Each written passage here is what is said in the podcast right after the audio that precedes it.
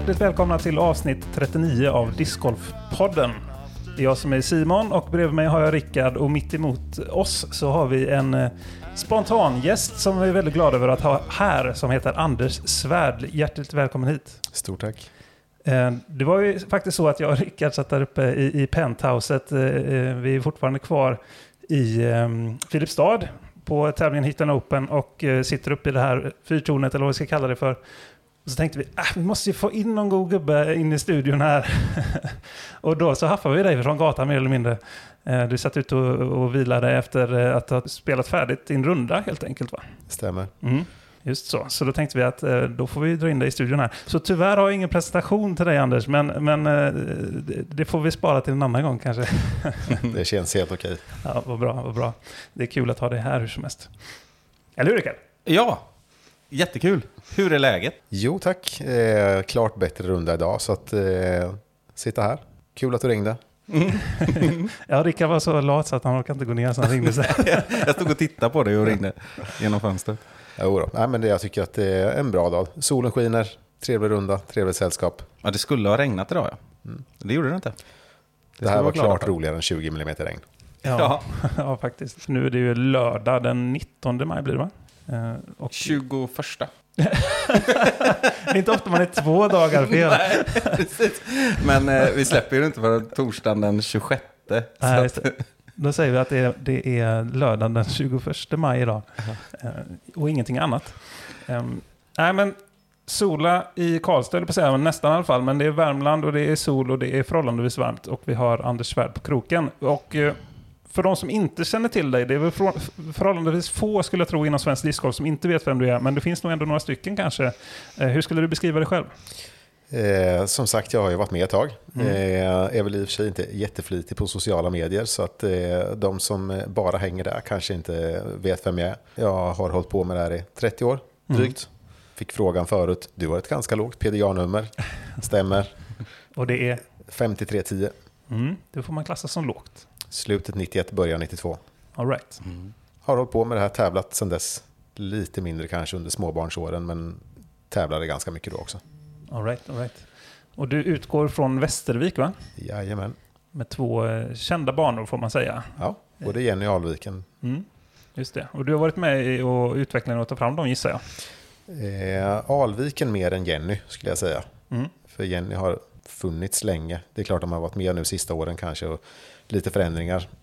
Alviken fick vi chansen att bygga egentligen från grunden. Sen har vi byggt på den lite vartefter. Så att vi tycker fortfarande att det är en ny bana som vi ändå har lite idéer kring hur vi ska kunna göra lite bättre och utveckla lite mer. Ja, för den stod klar 2019. 19. Eh, Jag kommer ihåg, jag var där alldeles när den var helt ny. Då bodde jag i Norrköping. Och eh, det är förhållandevis nära att åka till Västervik i alla fall om man vill spela en bra bana så att säga. Och jag blev så förvånad över hur bra den banan var på så kort tid så att säga. Det kändes inte som att man kom till en helt ny bana när man kom dit. Och det tyckte jag var väldigt imponerande. Eh, får jag säga. Eh, Finns det någon eh, nyckel till detta? Eller, eller hitta, var, det naturligt bra fairways från in, sen innan så att säga som inte behövde göra så mycket? Eller är det ni som gjort ett jäkla arbete eller något mellanting kanske? Eh, naturligt var väl kanske att ta i. Eh, vi får väl ändå säga att vi har haft god hjälp av kommunen. Mm. Eh, när vi blev ditflyttade så vi sa väl egentligen ta ner det här, ta ner det här och de gjorde det. Mm. Eh, sen fick vi den stora ängen. Det var ju kobetesmark. Mm. Men när den klipptes några gånger så det blev bra väldigt fort. Mm. Och det är många, precis som du säger också, som upplevde att det här är bra och väl spelbart väldigt fort. Mm. Precis. Jag var ju med på SM det året, 2019, på de här banorna. Men var det, var det första tävlingen på Alviken? Ja. Ja. Det är starkt. Rätt in i hetluften. Eh, vi hade ju lite förfrågningar om att kanske spela någon Smålandstour eller någonting sånt innan, men vi tyckte väl helt enkelt att ja, lite hemmafördel så att vi arrangerade inga tävlingar där innan. Det är smart. Och det gick väl ganska bra också? Jag var fyra, Helleblad var femma. Ja, ja. Sen tror jag att Erik Gustafsson var också bra. ja. Tobbe Lundberg var bra. Och vi var en hel hög med västervikare som var ja, topp 15. Mm. Men två grejer här nu. Alltså när det gäller Jenny, det här blandar jag ju alltid ihop, men är det inte så att du är uppvuxen precis intill? Jajamän. I liksom kvarteret Jenny? Ja, Ja. Eh, mina föräldrar bor fortfarande kvar och har ju baksidan mot banan. Ja. Och sen eh, ja, jag och Stefan då, och sen Helleblad är ju uppvuxen mitt över gatan. Mm. Så ja, vi är, vi är ju därifrån. Och nu bor du lite närmare Alviken va? Eller? Ja, jag har 300 meter till Alviken kanske. Ja, jag tror när man kör in där så tror jag att du har pekat någon gång. Jag bor i det där huset. Just det. Och du, vi hörde dig nämna Stefan och det är Stefan Svärd, din bror då va? Ja. Och sen Helleblad är Jonas då. Ja. Eh, som du brukar spela dubbel med på par-SM och andra tävlingar va? Ja, ja, vi har spelat några gånger på Ja. par-SM. Kan tänka mig. Mm. Hur många gånger blir det? Vet du det? Tvåsiffrigt måste det ju vara. Nej, ja kanske. Ja, ja tvåsiffrigt. Ja, ja, det är precis tvåsiffrigt kanske. Ja. Ja, härligt. Men eh, jo, jag tänkte på... Ett gäng medaljer också får man ju säga. Ja, herregud. Både internt, eller internt säger jag, både individuellt och, eh, och i par. Ja, säg nu att du har koll på det. Hur många SM-medaljer har du totalt? För du har tre med lag va? Fem. Fem? Ja, tre guld. Fem guld har Fem guld? Har Västervik. Oj, ja, det är häftigt. Och första kom? 03. Ja. Det är nästan, om ni får ta ett nu då snart, då får ni 20 års spann på det också. Ja. Jag hade 23 skillnad på de individuella på den första och senaste. Det var första var 94 och sen vann jag i Borås 17. Ja. Det är häftigt Det är faktiskt. några år emellan. Mm. Men ja, okej, det här kanske låter svindrygt, men jag har faktiskt, ja, ungefär, men jag vet att jag har 18 guld. ja. Men, men då är det ju fem själv, fem i lag och åtta i par. Mm. Så jag har fyra med Jonas och fyra med Marcus Källström. Ja, ja, ja. Just det, du körde med han också. Sen tror jag att jag har två bronsmedaljer med förbundsordförande Nilsson också. Nej, men, Se där ja. Oj, ska Mattias, vi ens prata om sånt? jo, det ska vi. jo, det kan han gott ha. Absolut. Vi vet att han lyssnar. Ja, precis. Jo, men det är som sagt, jag har haft många chanser att samla på mig lite grann genom åren. Ja. Är det någon som har fler SM-medaljer? Det kan det ju inte vara. Det kan ju inte vara möjligt. Eh, av Open-spelarna, alltså jag vet inte. Alltså jag har ju varit med väldigt länge. Ja, Sen Bigge och Sofie har ju samlat på sig rätt många också. Men de kanske inte har varit med riktigt lika länge. Jag vet faktiskt inte. det är ju inte lag och par, vet du. Det tror jag Ja, inte att de de tappar har. lite där. Ja. Ja, Så- nej, det, får, Ja, det känns ju pinsamt om man glömmer någon. Och jag Ja. menar, både Jeppe och Marcus har också varit bra, men de har ju De har tagit, inte varit de har tagit lite paus. Och, Ja. ja. Ja, precis. Jeppe, Jeppe har väl varit sådär att han, han tog en paus och sen så dök han upp 2014 och så vann han. Ja. Och sen har han inte spelat ett SM sen dess. Liksom. Ja, vi kanske får se han i sommar. Ja, det Han var vi. faktiskt med och spelade i Luleå förra året. Ja, i par-SM ja. Och och vem är Jeppe då, för de Ja. som inte känner till? Jesper Lundmark från Skellefteå. Mm. Som har både ett VM-silver och ett VM-brons tror jag.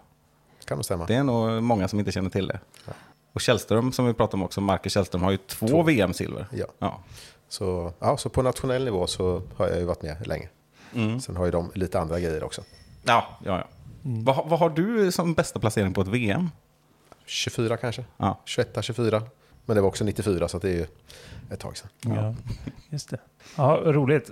Hur eh, ser, om vi ska återgå lite till nuet här, hur ser eh, din eh, sommarplan ut sett till tävlingar och sådär? Nu är du ju här på Hitland Open. Ska du spela fler tävlingar eh, i Sverige av den här digniteten, så, så att säga? STGPT, Swedish Open kanske, eller något sånt där? Eh, jag har nog tänkt att, eller jag ska till Gävle nästa vecka. Jag har ju förmånen att få vara med även på MP40 SM. Just det. Just det. Mm. Så jag åker till Gävle härifrån. Valls herrgård. Yes. Är det så att du har något att försvara på den också? Nej, Nej, du kom tvåa. ja, Ja, det var Bengtsson. Bengtsson vann. Alltid denna Bengtsson. Han dyker upp i varenda avsnitt. Ja. Vi, vi, vi gräver ju vår egen grop här. Jag tänkte säga att det var ju, det var ju du. Ja, exakt. Ja, Då, då är det, men han, han kommer ju inte vara med denna gången. Det är, det är ju synd. Ja, Honom vill du ju slå. Kan Ja. vi förstå. Ja. han kanske kände ömsesidigt också. Ja. så kan det vara. Vem är största hotet i år då? Jag har faktiskt inte tittat jättenoga i listan. Jag skulle hit först. Mm. Eh, Jag vet ju att Marcus ska vara med. Eh, Jag har lite dålig koll på vilka som är 40, vilka som har fyllt 50. Mm. Jag tänker att jag kan väl egentligen mest bara spela själv. Mm. Superklyschigt, svintråkigt, jag vet. Men, Rimligt också. Mm. Helt klart. Sponsrad av Discmania kan man säga också. ja, just det. Och hur länge har du varit det? 2007. Det är sen de startade Företaget? Eh, Ja, det var året efter tror jag. Ja. Jag tror att det står 2006 på, eh, på loggan där. Ja, det ser jag på din eh, jacka du på det här. Eh, men sen eh, 2007. Mm. För när jag pratade om ja, förlänga det här i vintras så då bad han att kolla om jag hade någon dokumentation kring det. Och det, då hittade jag ett mejl från 2007. Ja, vad roligt. Det är nästan före i e-postens tid. Ja. Just det. det var skönt att det fanns arkiverat då. Ja. Vi, vi var ju alla med Ja, innan ja, det fanns e-post i alla fall. Även om vi inte kommer ihåg det. Ja, nej, precis. Är du tjenis med Jussi så att säga? Eh, alltså vi spelade ihop när vi var juniorer. Mm. Jag kan inte säga att jag är tjenis idag, det ska jag inte säga. Men eh, det kan ju hända att han hör av sig. Men eh, nej, inte någon daglig kontakt så. Han verkar vara en äkta entreprenör så att säga. Ja, verkligen. Mm. Han brinner för mycket och jag tror att när han jobbar, då jobbar han mycket. Det är väl den uppfattningen man har fått. Mm. Och sen eftersom jag har valt att kanske inte delta i alla sociala medier så blir det kanske också att man inte riktigt ja, man säga, uppmärksammad eller att någon säger hej bara för att man råkar finnas där. Jag Nej. förstår. Eh, Sen har du dock haft ett par signatures här. Jag kommer ihåg att jag köpte dina Anders Svärd P2 när de kom ut. Mm. Eh, Kan det ha varit 2019 eller något kanske? Ja, 18 och så- kanske? Ja, ja. något i den stilen. De var jäkligt snygga med de här eh, wingstampet på. Mm. Lite rariteter nu för tiden också när de inte görs i den tryckningen riktigt med samma plast. Jag är ganska säker på att det var 2018. Ja, för att Mm. eh, jag eh, hade med mig så att du fick signera i Kalmar på nationella touren. Så har jag hemma inramat. Då gick vi i samma car du och jag. Det var min första NT-tävling. Så fick jag gå med dig, så fick jag gå med Ulvinen och Oskar Persson. Ja. Jag kände mig lite som underdog i det gänget. det visade sig att jag var det också. Men det var roligt. Ja. Och jag kommer ihåg att du peppade mig när jag treputtade på något hål där. Så det är jag tacksam för än idag. Ja. Jag kom på en grej nu som jag måste återkoppla till eh, förra veckans avsnitt. Då pratade vi om, eller vi rabblade upp lite namn där du ingick. Och det var i eh, en sorts backhand-only-klubb, kan man säga. Där Just jag det, också just det då ingår. Och så, eh, vi nämnde väl Bengtsson och ja, Matte Nilsson nämnde vi kanske inte. Nej, det tror jag inte vi gjorde. Eh, Och, och, och Larsa och sådär. Eh, sen fick jag höra idag att du hade sagt att du skulle kasta lite fler forehands idag. Så det jag ju omedelbart fel. Hur, hur, hur, blev det med det idag? Jag har nog gjort tre i alla fall. Ja, det är bedrövligt. Ja, jag brukar säga att eh, antalet fåren på runda är mått på hur dålig man har varit. ja, exakt. Jag har klarat mig, jag har inte gjort en enda hittills. Då, då får vi ge en shout-out till vår klubbkompis Anton Westman som gick hela rundan igår och bara kastade forehands och gick på minus sex. Det är ändå lite imponerande i, i min bok. Verkligen. An- Anton Westman är inte ett namn du har hört någon gång förut va? Han var bästa svensk på runda ett. Jag såg det. Imponerande. Ja, det är coolt. En, en annan sak som jag lade märke till igår när jag kollade på scoren, att samtliga i topp fem hade högre PDGA-nummer än jag. Och jag har ett högt PDGA-nummer. Jag har ju ett sexsiffrigt PDGA-nummer. Och alla de som var låg i topp fem igår på MPO var högre än så. Det är lite, det har jag nog aldrig varit med om på sån här tävling innan. Nej. Men det är också lite kul att se att de nya tar för sig Ja, och det händer blir grejer. bättre. Ja, visst. Och det är ju ett tecken på hur, hur utvecklingen ser ut i sporten. Ja. Att det händer så extremt mycket. Sen kan det också vara en liten sak i och med att corona i två år och folk har inte tävlat jättemycket. Det är många som har varit hemma och tränat i två år som man aldrig har sett förut och är jätteduktiga. Ja, det var ju en spaning Verkligen. vi hade liksom nu innan eh, pandemin var över. Och som verkligen har slagit in. Det är det vi ser i, nu den här helgen också. Jätteroligt. Men, men om man tänker, det var ju en enorm pandemieffekt såklart liksom för discgolfen. Men när, du som har varit med länge, när skulle du säga att det liksom verkligen började ta fart på något sätt? Eller var det statiskt mer i antalet utövare och de du träffade på tävling eh, i början, liksom, första tio åren kanske, eller något sånt där?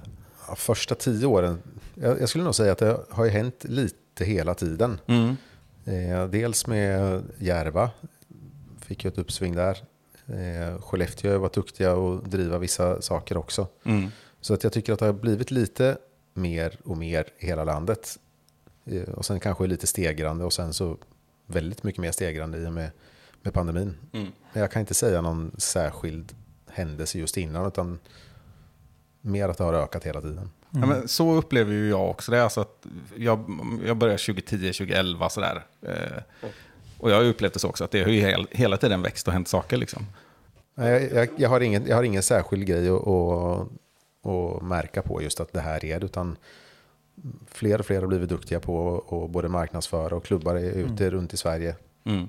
att vi finns. Mm. Sen så tror jag också att, eh, där tror jag att Jussi har en del också.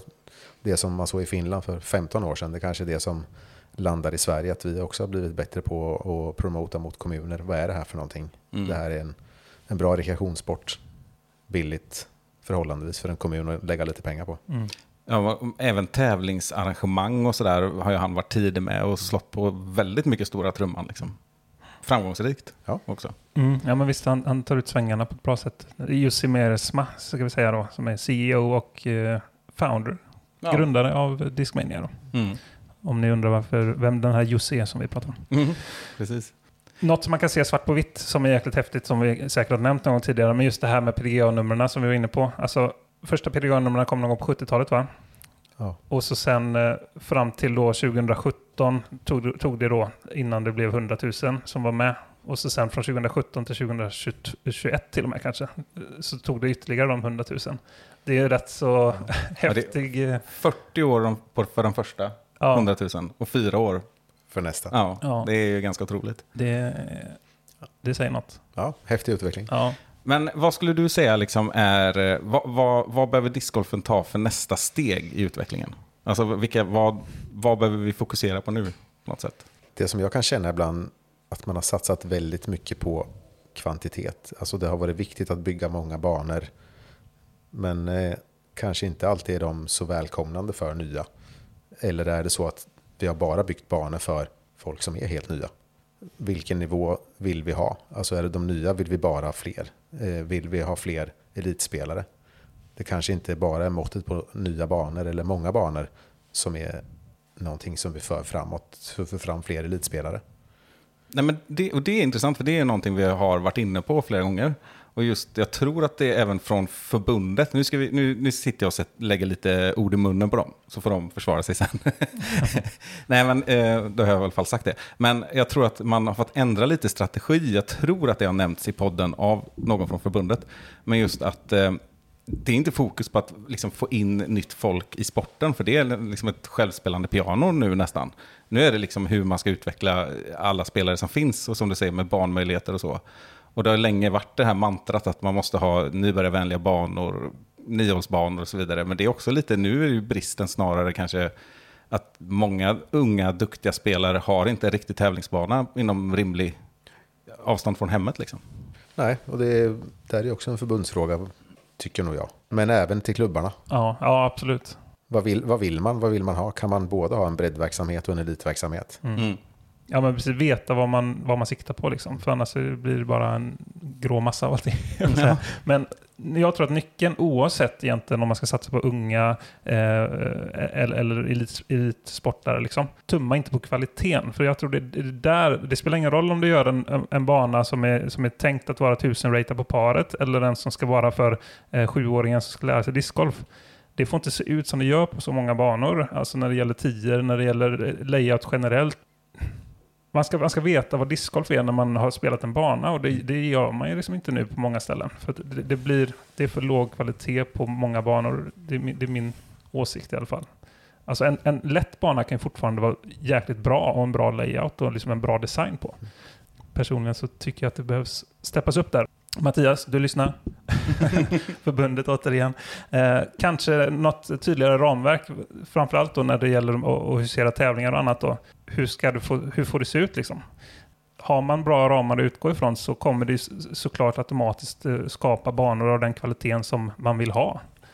Ja. Är det, jag menar inte att lägga allting att förbundet ska göra vissa saker, men eh, just en svårighetsnivå kanske på att det måste finnas det.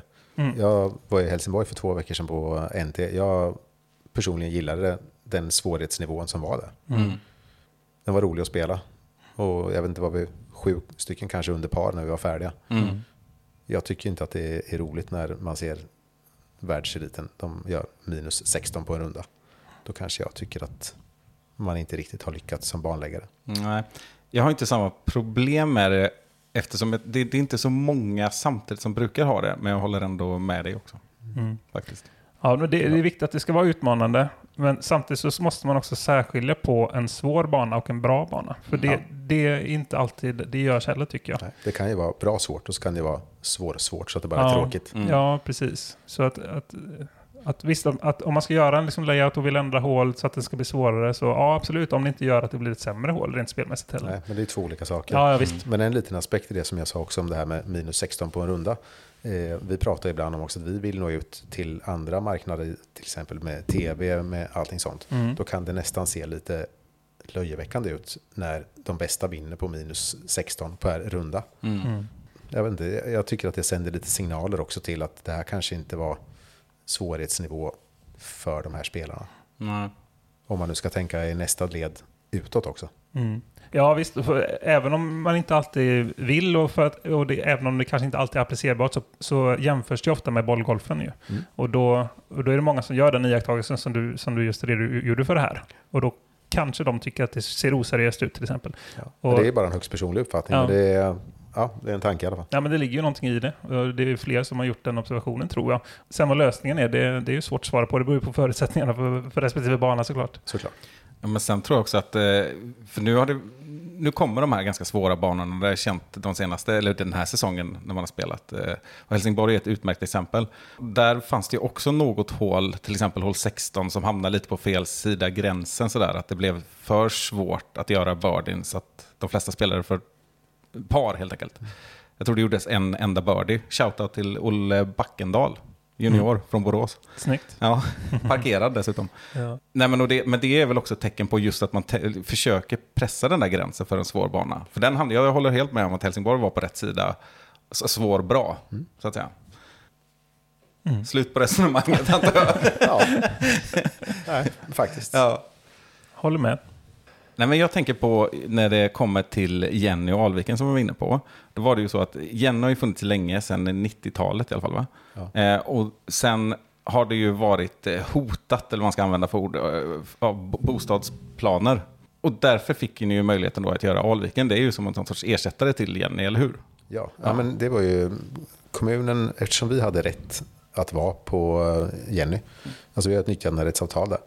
Och eh, då tyckte de att eftersom vi ska flytta en verksamhet så måste vi erbjuda någonting annat.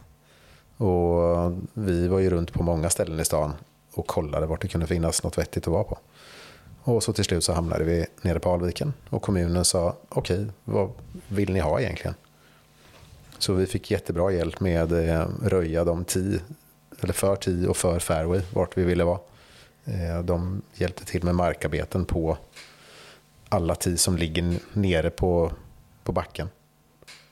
Så det var ju en superstor hjälp. Mm. De fixade ju även vägar, diken inne på området.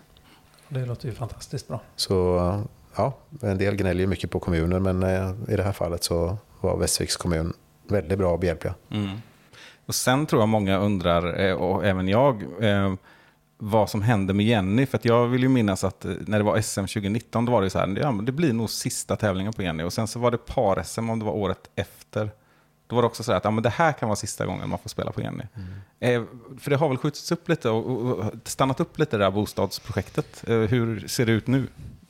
Ja, alltså det var egentligen redan par-SM 18 som Ja, vi spelade bara på Jenny. Ja, Och då ans- ja, det var inte jättemånga arrangörsansökningar och vi tog det och sa att vi kan köra det på våren för att till midsommar så har kommunen sagt att korgarna ska bort. ja. Och det här var ju midsommar 18. Eh, och Var sen, det 18 ja? Det var då jag spelade Mountain Lind. Jag trodde det var 17 redan. Just det, men det var redan då ja, det var snack om att det var sista chansen. ja, men eh, sen så har det väl hänt lite i kommuner på andra ställen. Andra entreprenörer har byggt bostäder och då har kommunen egentligen mer satsat, vad jag har förstått, på industrimark på andra ställen. Och då har Jenny-projektet legat lite på is. Ja, ja, det är så det är. Jag tänkte att man hade hittat någon sån här groda eller någonting, eller att det var sådana som Simon som hittar fornlämningar. Han är ju arkeolog. Eh, Vi, behövde, var något vi, sånt behövde, vi som... behövde inte gräva ner något sånt. Nej, exakt. Plantera in fornlämningar. Men det, det ligger ju säkert eh, någon eh, discgolf-artefakt i, eh, där som man skulle kunna hävda att en sån här gammal aviar, En gammal röd Hammer från 88. Ja, precis. Om det hade varit före 1850 och anses vara varaktigt övergiven så hade man kunnat klassa den som fornlämning. Varaktigt övergiven hade det nog kunnat vara i alla fall. Då, så. Men det hade varit en in- intressant utgrävning i framtiden. Ja, inte det? Så här, absolut. här har det varit en green en gång i tiden. Det ser man här, om man ser fotstegen och cirkelmarkeringen. Ja, skicka en passning till mina framtida kollegor. Ja, nej, men så att det för tillfället så det, vi har ett år i taget. Och vi har väl sagt så länge vi orkar så eh, har vi gärna båda kvar. Mm. För det känns lite lyxigt måste jag säga att ha båda dem att träna på. Ja, verkligen. Ja, det förstår jag. Och ni hade ju SM så sent som i fjol eh, på de banorna. Och så de håller ju fortfarande bra klass liksom. Sen Ja. märks det att det är backend-dominanter som har designat dem. Du säger det. Reaktion. Man brukar ju säga till mig att jag ska lära mig att kasta forehand så att det är väl ungefär samma sak. Ja. Ja. Vi, vi, har, vi, har, vi har nämnt Alviken ganska många gånger som ett exempel på en av de där få riktigt bra banorna som finns i Sverige. Ja, Och och det. hålla och husera tävlingar på och så. Ja.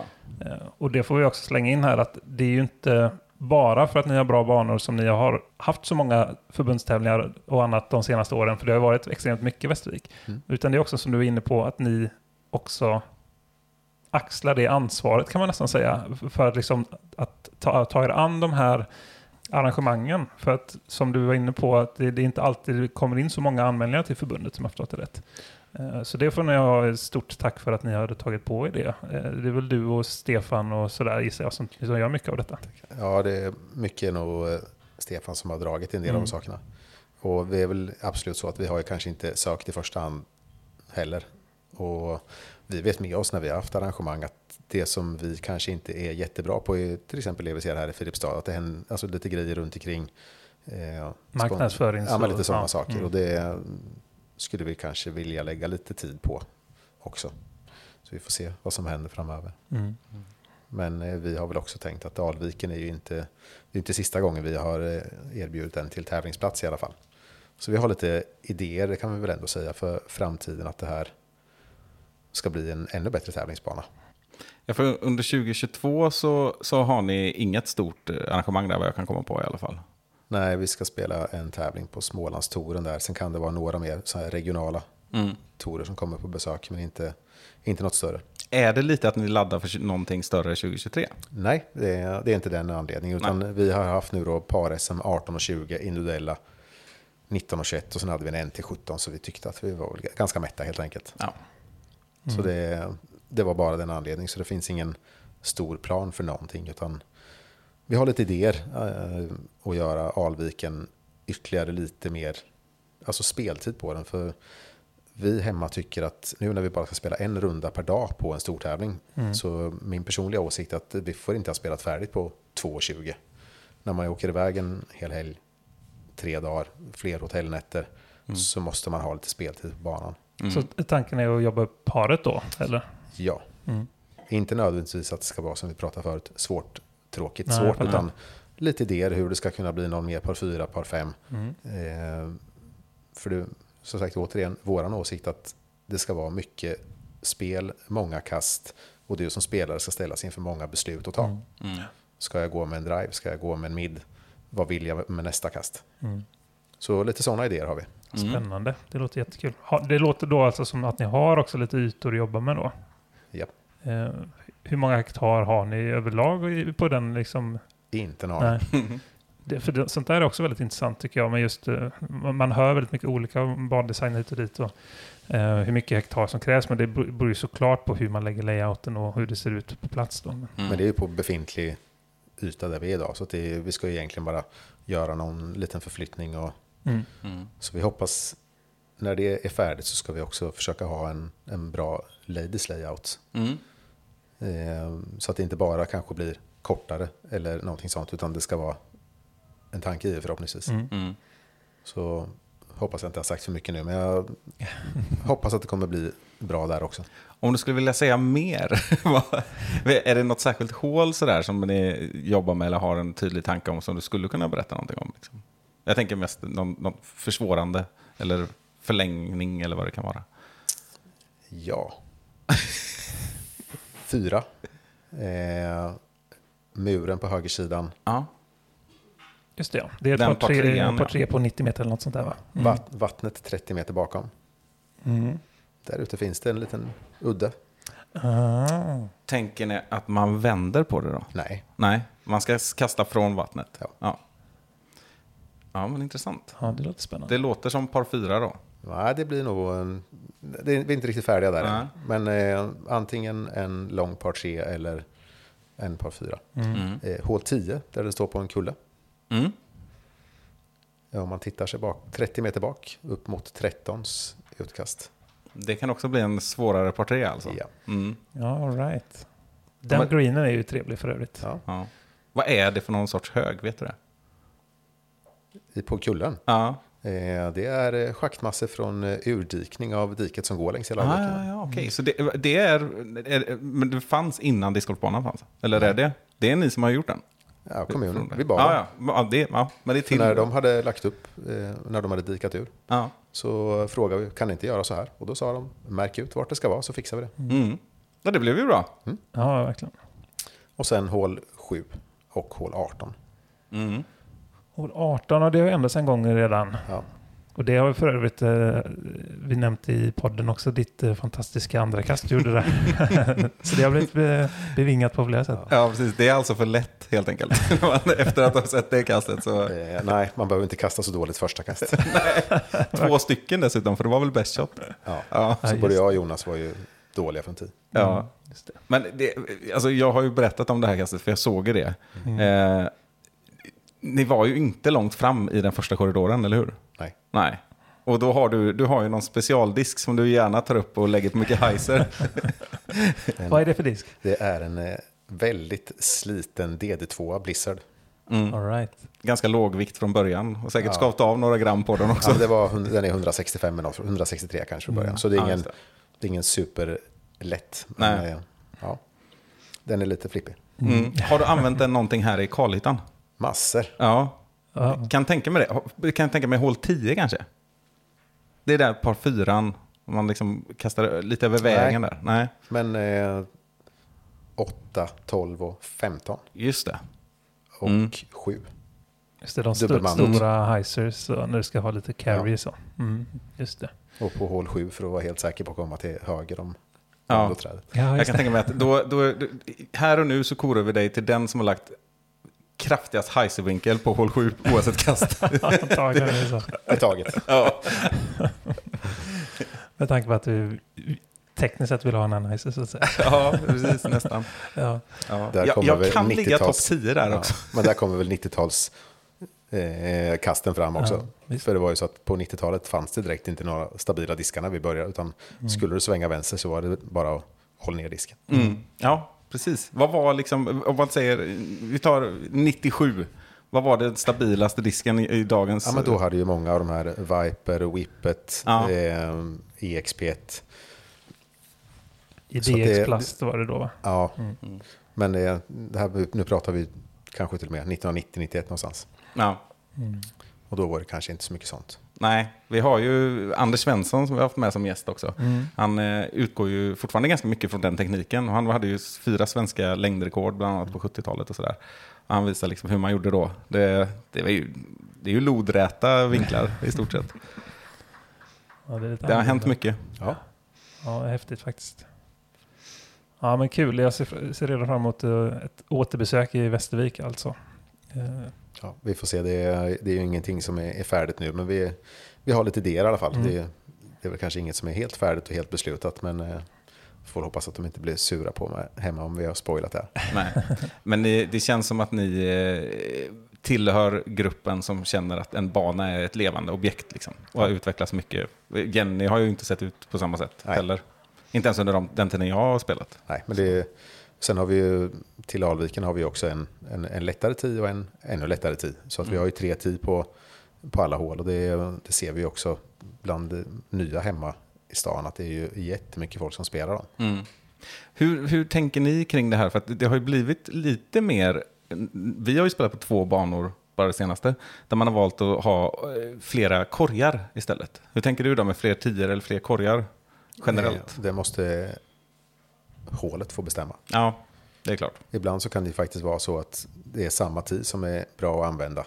Om vi nu pratar till exempel en ladies layout. Mm. Och ibland så kanske det är ett annat utkast. För ibland så måste du också tänka på hur och när kommer svängen till exempel i en högersväng.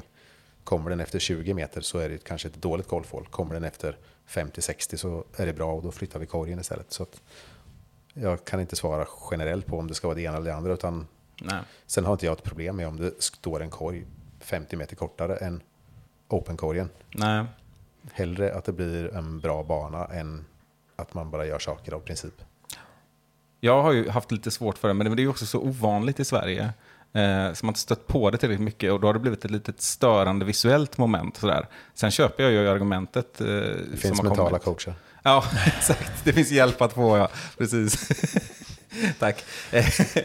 men nej, men att... Eh, jag köper ju argumentet också att ja, men står den där och man, alltså det är som att det är en sten där eller någonting. Om man hamnar i närheten av den. Ja. Vilket jag ju såklart har gjort. Nu tänker jag kanske inte att den ska stå på fairway 30 Nej. meter kortare. Nej, precis. Det ska ju inte vara så att man ska ju, det ska ju vara, man ska ha gjort ett misstag om man till exempel gör ett black ace. Så att säga. Lite samma sak. Ja. Ja, precis. Ja, men jag, gillar, jag gillar det du säger där med att eh, eh, det viktigaste är att blir en bra, bra bana. Att, att, eh, att inte principer ska liksom vara i vägen på något sätt. Jag kommer inte ihåg exakt hur du uttryckte det. Nej. För det, det tycker jag kan... Man stöter på lite här och var. Alltså att nej men så här ska det vara för så har det alltid varit. Eller så här ska det vara för att ditten och datten. Liksom, och, och, att det finns argument som inte riktigt håller alltid där ute. Så det, jag tycker det är helt eh, rätt att, att se det på, på det sättet. Med tanke på hur länge jag har varit med så skulle det kunna vara jag som säger sådär i och för sig. Men, ja, Den här gamla gubbgrejen. det här, så här har det alltid varit. Ja, precis. Nej, men anledningen till att jag frågade var ju för att ni har ju valt uteslutande den eh, modellen i Palviken. Ni har ju inga flera korgar. Nej. Så jag tänkte att det var en, därför var det en intressant fråga. ja, nej, det, vi har haft, eh, för de här grejerna som vi pratar om nu så är det väl diskussioner om att det blir nog inte bara andra tis utan det kan också vara en, en korgplacering också. Mm. Men på de tre som vi har idag så har det varit ganska naturligt. Innan vi avslutar där då, skulle du Anders vilja ge en shout-out brukar man säga till eh, någon person eller någon, eh, nå- något discgolf-relaterat som du tycker behöver eh, lite hyllningar? Hyllningar? Eller vad det nu kan vara. Eller kritik. Ja, för den delen. Nej, jag har egentligen inget. Jag brukar, jag brukar inte ha så jättesvårt att hitta några åsikter och tankar sådär annars. Men, Nej. Nej. så annars får du hitta på en eh, annan slutfråga istället. Ja, det, det är så här, vill du hälsa till Jonas Helleblad? Absolut, Lyssnar han på podden? Troligtvis. Ja, nu blir han ju tvungen. Ja. Ja. Och så får vi se till att sköta träningen inför eh, par-SM i Linköping. Just det. Just det, Där då- ska vi tampas. Ja, då, Alla tre här. Ska ni två spela? Nej, Inte tillsammans, men Nej. vi ska spela var för sig med andra partners. Ja. precis. Jag ska spela med Filip Lindberg som du fick möta. På lag-SM-kvalet Ja, förra exakt. året? Ja, precis. Ja. Vi är klubbkamrater. Och du ska spela Rickard med? Anton Lind. Igen, Det ska bli roligt. Ja, det är, det är Ja. första gången sedan 2018. Ja. Och a- andra gången totalt. Så det ska bli väldigt roligt. Tror du det passar oss med Linköping? Är vi ett bra par då? Rydskogen. Absolut. Ja. Ja. du, ser, du ser inte livrädd ut inför konkurrensen. Men, äh, vi, får, vi, vi får se. Det är ju en lite mer forehandvänlig bana skulle jag vilja påstå. Om man ska klassa, om man ska, om man ska klassa mellan backhand och forehand. Så, Tycker du? Eh, ja, rent spontant. Eller det är många högerhåll. Sen kan man ju kasta backhand där också. Det, det gör ju ni två, det vet jag ju. Mm. och säkerligen bra också. Men spontant bara. Men du, du håller inte med kanske? Nej, det är ingen, jag tycker inte att det är någon sväng som känns sådär. Som till exempel hål 4 här på Karlhyttan där vi är idag. Mm. Men Nej, det Lin. Linköping tycker jag känns mer... Lägg en ordentlig högerkurva så Mm. bör du kunna lösa det. Då vill jag ju bara flika in här att jag, jag hade ju birdie putt i cirkeln på håll 4 på Carlton, men på backhand idag. Jag säger inte att det är, är, är omöjligt på något sätt. Men Jag förstår det precis vad du menar. närmaste exemplet en sån här dag. Ja, det, det, är väldigt mycket forehandhåll. Hade man, hade Ja, man haft 50-50 så väljer man en forehand. Liksom. Ja, till och med jag kastade den där så kan jag säga. Ja, då, då är det ett forehandhåll. Mm, just det. Jag kan visa dig hur jag gör. Nej, jag, jag hoppas på min, min partner Filip, är känd för sina forehand. Jag tror han kommer göra en bra runda eh, i alla fall. Eh, högerhål, hål 1, 2, 3, 4 egentligen. Jag tycker vi tar chansen och, och ger en liten shoutout till Filip. För jag har fått höra från flera stycken nu, oberoende av varandra, som benämner honom som Sveriges bästa forehandkastare. Och det är Ja. ganska meriterande folk som har sagt det. Ja. Han har en väldigt fin forehand. Ja. ja, det har de verkligen. Det är inte bara det att den är lång, utan den är också liksom tekniskt slipad, så att säga. Eh, Det håller jag helt med om. Mm. Ja, vi får ha någon tävling någon ja. Accuracy och distance. Nej, men jätteroligt att ha dig med och du kommer säkert få vara med någon mer gång. Om inte annat så måste vi få in en presentation någon gång. Så. Jag får göra det Ni retroaktivt. får lösa den till nästa gång. Ja. Ni gör som ni vill. Jag kommer gärna tillbaka om ni vill. Ja, men vi har det jättegärna med i framtiden också. Och vi är jättetacksamma för att du dök in här med kort varsel. Bara trevligt. Härligt. Ha det gott tills nästa gång, Anders. Detsamma, detsamma. Ha det bra. Hej. Hej.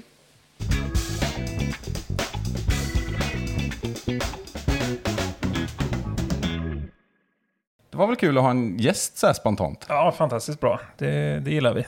Stort tack igen, Anders. Och eh, vi kan väl skicka ut en eh, shout-out till eh, Swedbank så här i efterhand då. Ja, just det. Ja. Han hittar ju inte någon shoutout just eh, i stunden, men eh, däremot så talar han väldigt gott om deras lokala bank som hade hjälpt eh, och stöttat dem i deras föreningsverksamhet. Mm.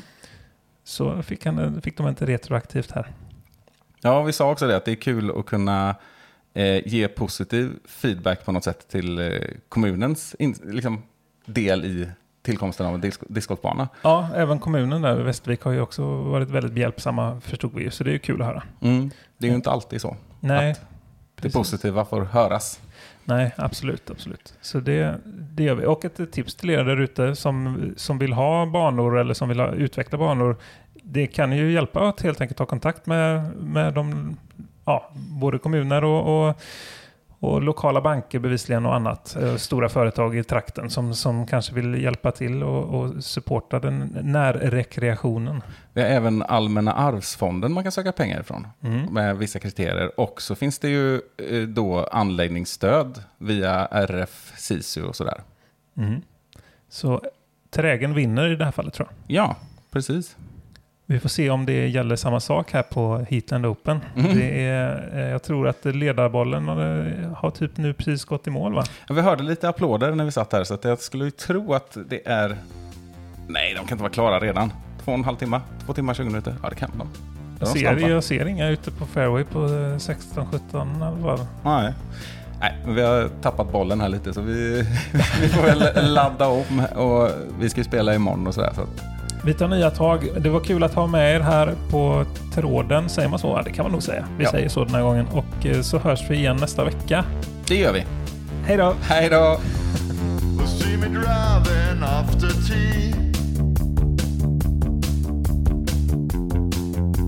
Weather's looking good. I got a disc bag full of tricks.